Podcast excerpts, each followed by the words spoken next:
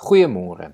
Ons is hierdie week steeds besig om na te dink oor diensbaarheid en die swaar kry rondom ons. Vanoggend lees ek nog 'n verhaal uit Jaco Strydom se boek Confessions oor kerkwees. Ek het 'n tyd gelede hierdie selfde verhaal vir ons gelees, maar het in lig van die tema van hierdie week dit goed gedink om dit weer vir ons voor te lees.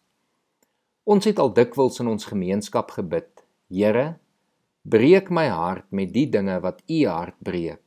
Dan gesels ons oor die week se stories in die nuus en word die een of die ander statistiek aangehaal. Een oggend was dit anders. Ek was saam met 'n klompie jong mense en studente in die kindersaal van 'n tipiese vervalle Afrika hospitaal. Elkeen van ons het 'n baba of 'n kleuter vasgehou of by die bed van 'n siek kind gesit. Die een baba se been was gespalk met 'n stokkie. 'n Entjie verder het 'n kleuter met erge brandwonde saggies gelê en kreun. 'n Ander seentjie het sonder ophou gehuil. Die ma is gister dood, het die suster verduidelik. Wat 'n hopelose situasie. Nie een van ons kon praat nie, nie 'n enkele woord nie. Maar ek kon letterlik sien en voel hoe die jong mense saam met my se harte breek. Baie van hulle is vandag nog besig om iewers te probeer help. 'n Paar jaar gelede was ek saam met 'n groepie mense van Pen op 'n studietoer in Indië. Ons wou onder andere gaan kyk hoe Moeder Teresa se Sisters of Mercy vandag funksioneer. Die plan was om vir 'n dag of wat as vrywilligers by 'n tipe hospitaal vir straatmense te help met die hoop om 'n kykie te kry van hoe dinge werk. Op pad daarheen was daar duidelik 'n groeiende spanning in ons taxi. Af en toe sou een van die van ons die atmosfeer probeer verlig met 'n grappie of 'n niksegende opmerking oor die strate wat weer baie besig is of so iets. Niemand wou dit hardop sê nie, maar ons was bang.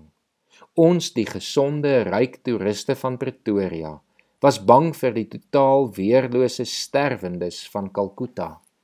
Uiteindelik het die hele storie goed uitgewerk, vir ons in elk geval. Die pasiënte het ons met baie deernis en begrip ontvang. Hulle kon duidelik aanvoel die hele ding was nuut vir ons en hulle was besonder geduldig met ons onhandigheid. Selfs wanneer ons een van hulle per ongeluk sou seermaak, het die persoon dadelik vriendelik met die hand beduie. Moenie sleg voel nie. Ek verstaan. Dit meer as enigiets anders het ons harte gebreek en ons het dit so nodig gehad. Aan hierdie tipe weerloosheid voor die pyn van die wêreld is ons teologie na my mening 'n bietjie arm. Ons kort meer blootstelling. Die klaskamer, studeerkamer en kerkgebou is eenvoudig te veilig, te gemaklik en te ver. Koerante en nuusberigte, selfs goeie geestelike boeke is op hulle beste, maar soos die elektriese vensters in 'n motor met ligreëling. Wat ons deur die venster sien, vul dalk ons harte met jammerte maar jy kan nie regtig lief wees vir statistiek of die karakter in 'n storie nie. Merinda van Niekerk het eendag gesê, "There is a difference between reading their stats and seeing their faces up close." Selfs goeie teologie is leeg sonder empatie. Die twee is nie veronderstel om sonder mekaar te bestaan nie. My probleem met baie bedienaars van die woord vandag is nie hulle gebrek aan teologie nie, Hulle lees en sê al die regte goed, maar hulle het 'n gebrek aan empatie. Hulle loer op 'n afstand en praat deur die glas. In ons manier van kerk wees, is dit heeltemal moontlik om teologies te floreer sonder dat jou voete die grond raak, sonder dat jy ooit in die plakkerskamp of in die middestad kom, daar waar die meeste van Suid-Afrikaners bly. Dit moet verander. Jesus het afgekom aarde toe Dalk moet 'n paar van sy volgelinge dit ook probeer. Here, ons kan vanoggend maar net bely dat ons ook dikwels op 'n afstand na nood kyk en in vrees of in onsekerheid sukkel om betrokke te raak. Ons is bang om betrokke te raak, Here. Ons is baie keer onseker oor wat dit ons gaan kos en wat ons gaan moet prysgee.